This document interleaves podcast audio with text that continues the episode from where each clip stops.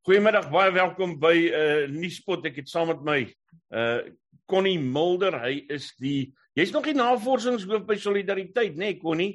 Jep, nee, ek is nog hoof van navorsing daar, ja. Daar's uh Connie Mulder en uh uh hy gaan vanmiddag met ons gesels oor uh, Solidariteit se planne. Julle het vier hofsaake uh op die op die tafel wat gaan oor uh spesifiek die verpligte inentings want die is nou aan die orde van die dag. Mense wat terugkeer werk toe na die vakansie mense wat terugkeer werk toe na baie ehm um, na 'n lang tyd uh, wat hulle van hulle huise afgewerk het en skielik kom hulle voor die deur te staan uh van 'n baas wat sê sorry ehm um, julle moet eers gaan inent en dan kan julle kom werk. En en 'n klomp maatskappye wat sê maar sorry ons gaan nie met julle besigheid doen as julle nie inent nie. Uh, en julle het nou besluit kon nie hierdie ding moet nou verder gevat word Uh verduidelik gou vir ons uh hoekom wat is die vier sake waar jy by betrokke is? Um jong, is ek kyk ons het vier sake gekies uiteindelik. Um die die belangrikstes van daai dink ek is is die uh, Universiteit van die Vrystaat sin en dan die SESA saak wat is dit is afwisselend. Um Vrystaat sinne is uh, baie spesifiek. Dit is nou waar uh, studente letterlik toegang tot kampus geweier gaan word as hulle nie ingeënt is nie. Um en dan die SESA saak is waar ons 'n lid het wat uh, as ware uitgesluit is wat wat nie mag werk toe gaan nie wat gesê is jy um uh, mag laat nie uh, meer opdaag as jy nie ingeënt is nie. So die, die rede hoekom ons hierdie spesifiek is ons het oor die 300 uh, versoeke gekry vanaf lede in Desember oor, oor wat met wat wat staan hulle te doen. Nou vir ons kom dit neer op um, ek dink ons moet twee goed eerstens sê is 'n uh, pandemie is 'n baie komplekse ding en ek ons ons is nogal teen enige van hierdie 'n ongenuanceerde debatvoering wat ons die laaste ruk sien. Ek dink dit irriteer mm. ons baie is aan beide kante toe. Mense wat sê jong inentings doen niks en dit is boos is mense wat baie vinnig 'n klomp data net afmaak um, sonder mm. dat hulle dan wil engage, maar die ander kant is ook waar ouens wat aanvoer uh, en stowwe gaan volledig die pandemie oplos. Dis net wat hulle nie kan doen nie. Dis goed, dit is nie nie wat hulle van die begin af kon doen nie. Ons het nooit gesê dat dit simptomatiese infeksie kan stop nie en dat dit COVID gaan uitwis nie, want COVID is 'n koronavirus. Hy gaan vir die res van ons lewens met ons wees. En dit sê daar moet ergens in die middeweg 'n manier wees om hierdie te hanteer. En nou sien ons met werkgewers dieselfde weer is 'n een eenvoudige kombersbenadering wat baie ongenuanceerd na dit kyk en sê luister, jy moet geënt wees, anders kan jy nie kom werk nie. Wat eintlik lynreg gaan teen eh, wat ons internasionaal gesien het gebeur en wat die wat jy moet doen hier by ons. Nou die rede waarom ons hierdie hofsaak voer is uh, eerstens uit 'n plek uit wat sê um, ons kort regsekerheid oor hierdie. Is ons het die regering gehad wat laas jaar Desember so bietjie begin praat het in die rigting van dalk verpligte inenting. Ehm um, toe het hulle vinnig die aftog geblaas sodat duidelik word dit is nie 'n baie gewilde posisie nie. En maar van daardie af het werkgewers basies net 100% voortgegaan en hulle begin nou hulle self amper die mag van die regering toeëien om om dwang te kan toepas. En dis nie dis nie iets wat jy kan doen nie onder die veilige werksplek ding, um, daai wetgewing stel uitdruklik dat ja, dis beide se verantwoordelikheid, werknemers sowel as werkgewers. En julle moet saamwerk om te kom by wat is 'n veilige werksplek. En dit beteken 'n werkgewer wat net arbitreër eensydig vir jou sê wat ons van ons lede rapporteer, uh, luister jy moet geënt wees of jy kan nie kom werk nie, is is heeltemal lynreg teen die gees van daai wet om 'n veilige werksplek te skep en vir on, ons uh, maak dit glad nie sin nie. En nou dit baseer ons op ons het internasionaal regte gaan kyk ons het laas jaar, ek dink ons het nou al twee verslae uitgereik oor uh, en stowwe waarna ons bevind dis veilig, is doeltreffend, dit werk met hospitalisering en sterfte afbestuur weens COVID spesifiek. Dit werk nie so goed teen simptomaties soos met die ander twee nie en inteenoor wat ons kan sien is soos wat dit elke nuwe variant is, ehm um, begin die doeltreffendheid taan so bietjie en begin uh, teen veral teen simptomaties en dan gevolglik van daardie af uh oordrag op begin dit bietjie taan. Dis nie dat dit geen impak het nie, maar dit raak hmm. minder. Ehm um, nou dit dit dit is 'n hele ander gesprek is dan rondom wat is die rol van aanvullings aan entings? Hoe lyk dit en as ons dan vorentoe gaan met COVID, uh, gaan ons dalk uh, soos 'n jaarlikse inspuiting, soos die griepinspuiting tipe ding mm. uiteindelik by eindig wanneer dit endemies is. Maar dit nou, dis die een deel wat sê uh, ons dink is ongetwyfeld dat 'n suksesvolle enstofprogramme 'n kerndeel is van die publieke gesondheidsorgmaatreëls nodig om COVID langtermyn endemies te kan aanspreek. En terselfdertyd dink ons verpligting is die dood in die pot vir 'n suksesvolle eindstofprogram en dat jy dood eenvoudig weerstand gaan verhard tot op vlakke waar jy nie meer kan op enige manier daai reg kry nie. Ehm um, so dis 'n tweeledige strategie wat sê Suid-Afrika het nie goed gedoen wat inenting betref nie. Ons het baie mense wat wonder En ek ek sal sê dis 'n baie geregverdigde wonder is om te sê hoekom moet ek die ding vat? Dit maak nie sin nie. Die studies wat ons weet uit UJ uit en daai sê die nommer 1 ding is mense is hulle is bang. Hulle sê wat is die neeweffekte? Hoe gaan ek voel? Um, gaan ek slegter voel? Is dit doeltreffend? Werk dit nog? En nou dit is mense wat wat eerlike vrae het, wat wonder. Daar's ons 'n klein persentasie wat sê ek sal nooit ek is 'n sameswering en ek weier volstrek. Maar die meerderheid het regtig eerlike opregte vrae oor wat is die uh, hoe, hoe is dit nie vinnig vanaand ontwikkel nie. Al hierdie vrae wat geldige vrae is. En um, en dit kan aangespreek word met net uh, die inligting aan hulle beskikbaar maak. Maar ons het eers besluit ons gaan nie uh, noodwendig julle te veel entertain as julle vra het nie en dan skielik gaan ons na die absolute einde van die spektrum toe. Dit is ons nêrens ons kan jou akkommodeer tussenin nie. Dit is net alright jy het 'n keuse om te gaan inent en nou doen jy dit nie en jy wonder oor goed en skielik vind jy uit jy mag nie kom werk as jy nie geënt is nie. Nou dis dis waar die departement van arbeidsdirektiewe uitdruklik stel presies hoe jy dit nie moet hanteer.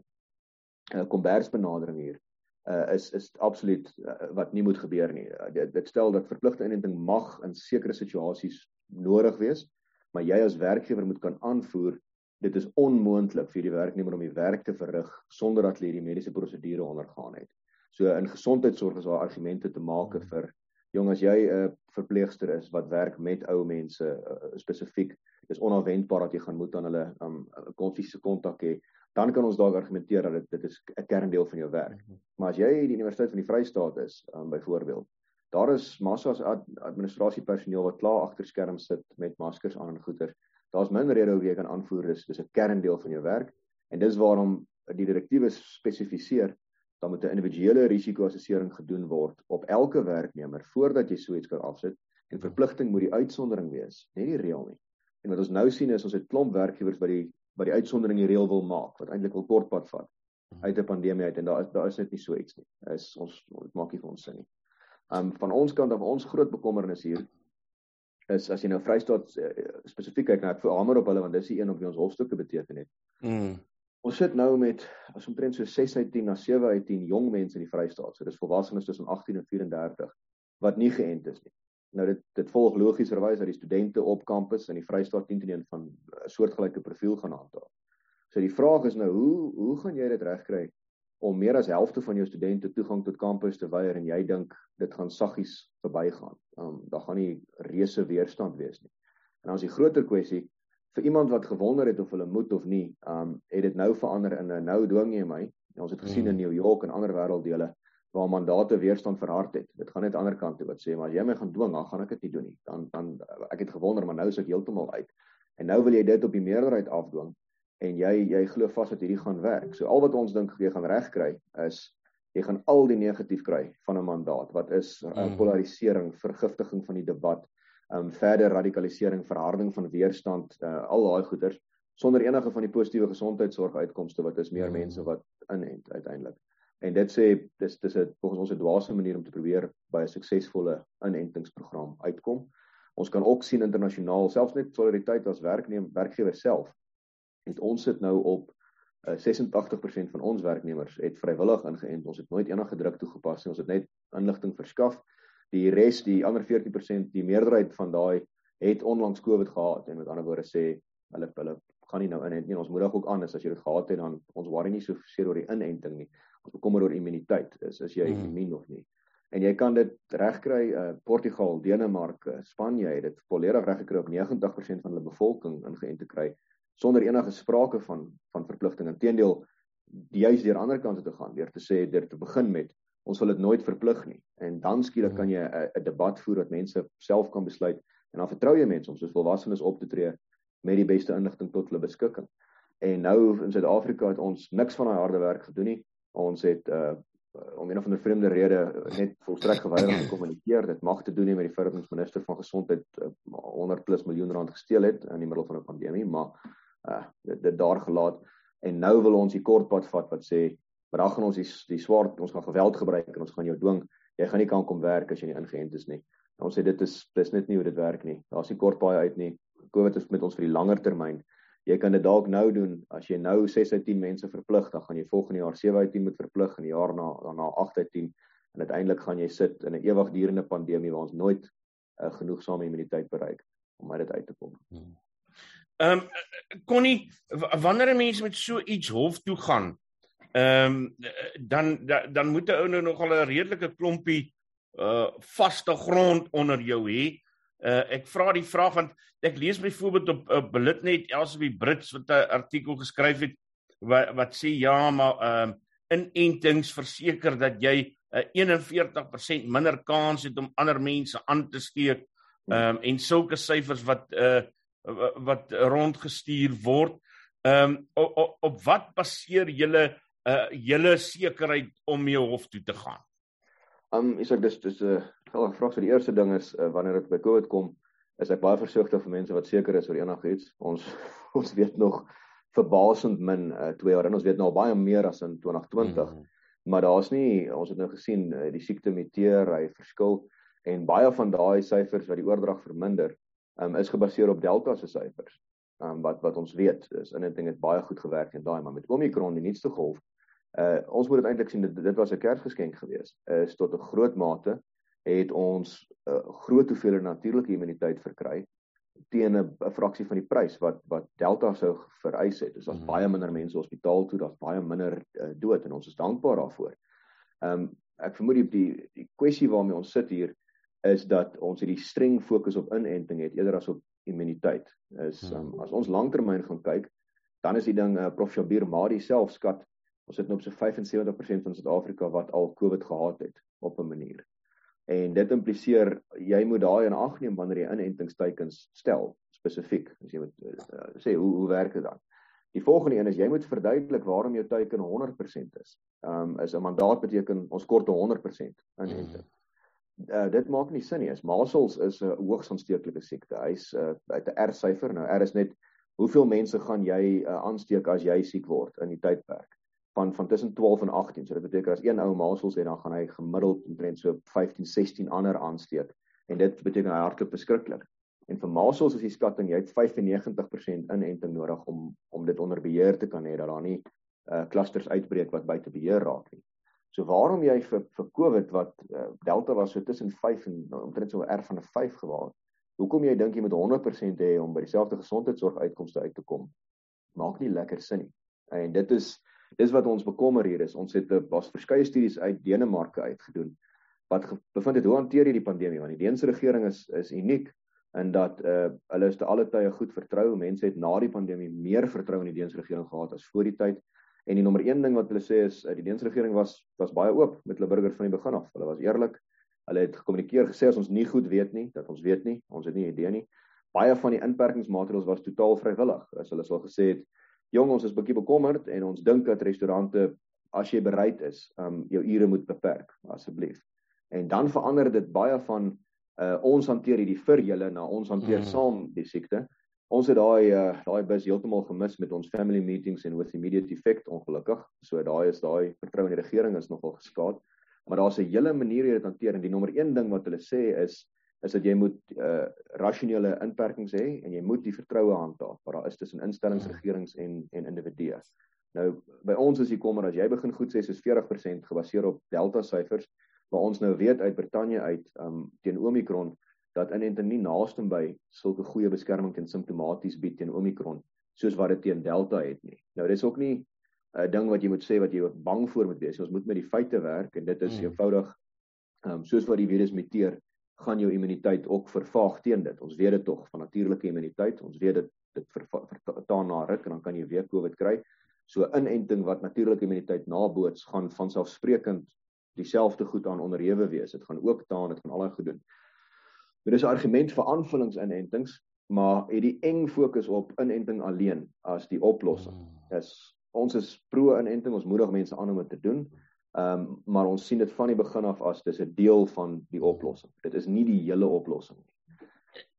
Het julle in in in julle uh navorsing vir uh vir hierdie hofsaake uh kon julle vasstel uh uit, uit die studies wat beskikbaar is of iemand wat nie ingeënt is nie 'n uh, 'n groter risiko het om ander mense aan te steek as iemand wat ingeënt is? Um dis met Omicron is dit nogal moeilik. Um maar ons het nou die nuutste data uit Public Health England uit en dis nou die probleem uit Brittanje uit. Uit die probleem hier is nou wat is nou vol ingeënt deesdae? Want deesdae is dit nou in Brittanje byvoorbeeld word jy beskryf vir ingeënt met die derde of vierde hmm. inenting selfs. Nou dit is nie so vreemd nie. Polio was het ook 4 inentings gevat in 'n kwessie van 18 maande en jy kry nog steeds baie so mens moet ook nie nou dink jog ons gaan vir ewig uh, met boosters om uiteindelik immuun te wees nie. Maar daar is bevind dat um na 20 weke na jou tweede dosis dan is daar dan jy basies op dieselfde plek uh, wat simptomatiese COVID betref. Ek verwys na simptomaties want dis eintlik maar waar oordrag gebeur. Dis asymptomatiese oordrag kan gebeur, maar dit is baie skaarser as wanneer iemand hoes en aktief uh, virale lading uh, op oppervlaktes neersit. So wat ons bevind gesien het daar is daar is 'n verskil, um, maar dit het baie sistematies afgegaan soos wat COVID muteer het. So waar dit goeie beskerming gebied het teen die aanvanklike variante, was dit al bietjie minder teen Delta en dit is baie minder teen Omicron gewees. Nou dis 'n mengsel van goed. Een Omicron is baie meer aansteeklik as Delta, so hy hy hardloop meer, hy vermy die immuunstelsel aansienlik beter ook. So hy gaan hy kan rondom dit kom. En die ander een is baie inentingsprogramme is nou al 8 na 10 maande oud, indien nie ouer nie. En dan begin die immuniteit teen in teen COVID begin vervaag wat jy daar verkry het. En dit maak sin dat jy weer moet nou uh, 'n aanvulling kry. Die die ding is nou gestel jy word siek met COVID nou dan dit is so goed soos 'n booster. Dit is dit is presies wat jy wil doen. Ons inenting is net ons wil net natuurlike immuniteit naboots maar teen 'n fraksie van die prys sonder die sonder die groot kwessies van ernstige besering of sterfte wat kom met 'n normale siekte. En dis hoekom daar's nie naaste by so baie klinkklare bewyse met Omicron spesifiek dat ehm um, dat dit so groot verskil maak wat oordrag betref nie daar's steeds 'n impak, maar dit is dis dis baie kleiner as wat dit was met Delta in die vorige golwe. En ons sal selfs verder gaan as jy selfs al is daar 'n impak. Dit is nie noodwendig 'n rede om te kan sê al maniere hoe ek 'n veilige werksplek kan verseker is deur 'n 100% inentingssyfer te hê. Um dit dit dit is dis die deel waar ons vergeet 'n mandaat sê almal moet anders is dit onveilig. Nou daar's baie ander maatreëls, daar's baie ander goed wat kan gedoen word. Jy kan mense akkommodeer op ander maniere. Natuurlik dis wat die, die departement arbeid se direktiewe stel ook is jy moet 'n wye verskeidenheid ander goed oorweeg, kyk of kan jy werknemers akkommodeer. En dan uiteindelik is die bewyslas baie baie hoog op 'n werkgewer om te kan sê dit is onmoontlik vir jou om hierdie werk te verrig op enige ander manier as wat jy hierdie mediese prosedure ondergaan. En ons dink doeteenvoudig daai sal die absolute uitsondering wees nie naaste by teen die koerse wat nou gestel word um, waar almal elke student op kampus moet ingeënt wees volgens MSI Vrystaat. Dit dit maak net nie vir ons sin dat daai 'n rasionele manier is van hierdie benader nie. En dan ons groot vrees is as jy nou eers hier begin uh, die enstof wil laat goed doen wat hy nie kan doen nie want ons het nou gesien met Omicron ook die oningeënte mense gaan steeds siek word. Dit is nie ons het nooit en enige iets gesê jy gaan glad nie siek word nie. Die kanse is minder Maar nou sit jy met nou sê jy 100% inenting en ek word van kampus geweier en dan Junie Julie wanneer dit weer COVID se sikliese tyd is, nou word die kampus weer siek. En dan dan gaan ek terug gaan as student en sê maar julle het my amper my studies laat deregistreer vir 'n hmm. ding wat wat volgens my glad nie werk nie. En ek nou sê ek heftig en nou weier ek volstrek die res van my lewe om dit te doen. En dan sit ons met gestel oor 2 of 3 jaar het ons 'n mutasie. Dis nie waarskynlik nie, maar ons kry 'n mutasie wat weer uh, dodeliker is as wat Omicron is nou nou het ons weer uh, hulp nodig om ons hospitale te beskerm, maar die weerstand is dan so verhard en so ingegrawe dat ons nie dan op daai stadium uh meer kan saam teen die siekte beklei nie, dan sit ons teen julle. En dit is presies wat jy moet vermy. Anders dan gaan ons gaan ons vir ewig in hierdie pandemie sit, nooit lekker kom by immuniteit nie mm -hmm. en uh en nooit weer regtig ordentlik terug na normaliteit toe nie.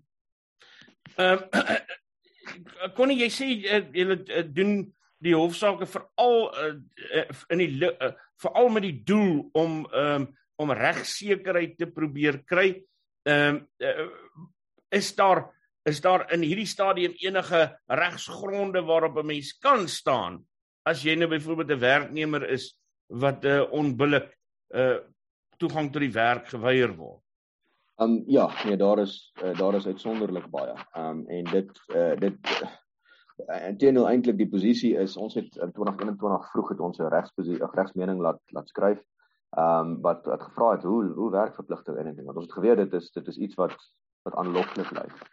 En ehm um, en dit sê uh, ons het daar die antwoord was ons het twee aparte regsmenings al geskryf waar die antwoord was dit is nie onmoontlik nie maar dit sal die uitsondering wees. In in die meerderheid gevalle is dit nie iets wat 'n werkgewer op 'n werknemer sonder uitsonderlike prosesse kan kan afdwing. En dit sê vir ons dit is geëgo in die departement arbeid se direktiewe wat gestel het jy moet 'n hele individuele risikoassessering proses volg ten einde te kom by 'n plek waar jy kan 'n uh, mandaat soos hierdie afdwing dan nou. en dit sal impliseer um dat wat ons nou sien is ons het werkgewers wat eintlik die regering vooruit hardloop um maar maar nie nie noodwendig gebaseer op enige enige regsekerheid doen nie. Ons weet nie wat op gebaseer hulle berus berus hulle op 'n veilige werksplek maatreëls. Maar die veilige werk, werksplek maatreëls sê jy moet 'n lang proses gevolg het van konsultasie en al die goeders wat hmm. amper niemand gedoen het nie. Ek dink jy moes laas jaar Oktober uh, werknemers wat jy as risikogevalle uh, geïdentifiseer het laat weet jy oorweeg dit vir hulle. Dit het nie gebeur nie. So ons sê ons is op hierdie grys area waar ons nie weet wat is moontlik en wat is nie hmm. moontlik nie. Ons soek regsekerheid rondom mag 'n werkgewer jou by die deur stop en sê jy mag nie jou werk verder doen as jy nie geënt is nie. So uh, dis primêr waarom ons na hof toe gaan dat ons kan nie 300 plus sake in 'n maand doen nie. Ons het ons ons kan nie daai uh, reg kry nie, maar as ons dan 'n strategiese saak kies en ons het, ehm um, dan kan hierdie regspresident vestig wat dan nou vorentoe gaan en op daai stadium um, sal sal uh, sal die res van dit kan bepaal. Uh, Vrystaat is lekker omrede uh, dit is 'n werkgewer maar ook 'n publieke spasie en universiteit en dit sal voorstel dat jy daar regsekerheid kan kry op beide vlakke op kan werkgewers se doen maar ook mag universiteite en skole en al die ander uh, goeders en um, al al instellings soos daai uh jou weier toegang tot die spasie weier gebaseer op dit.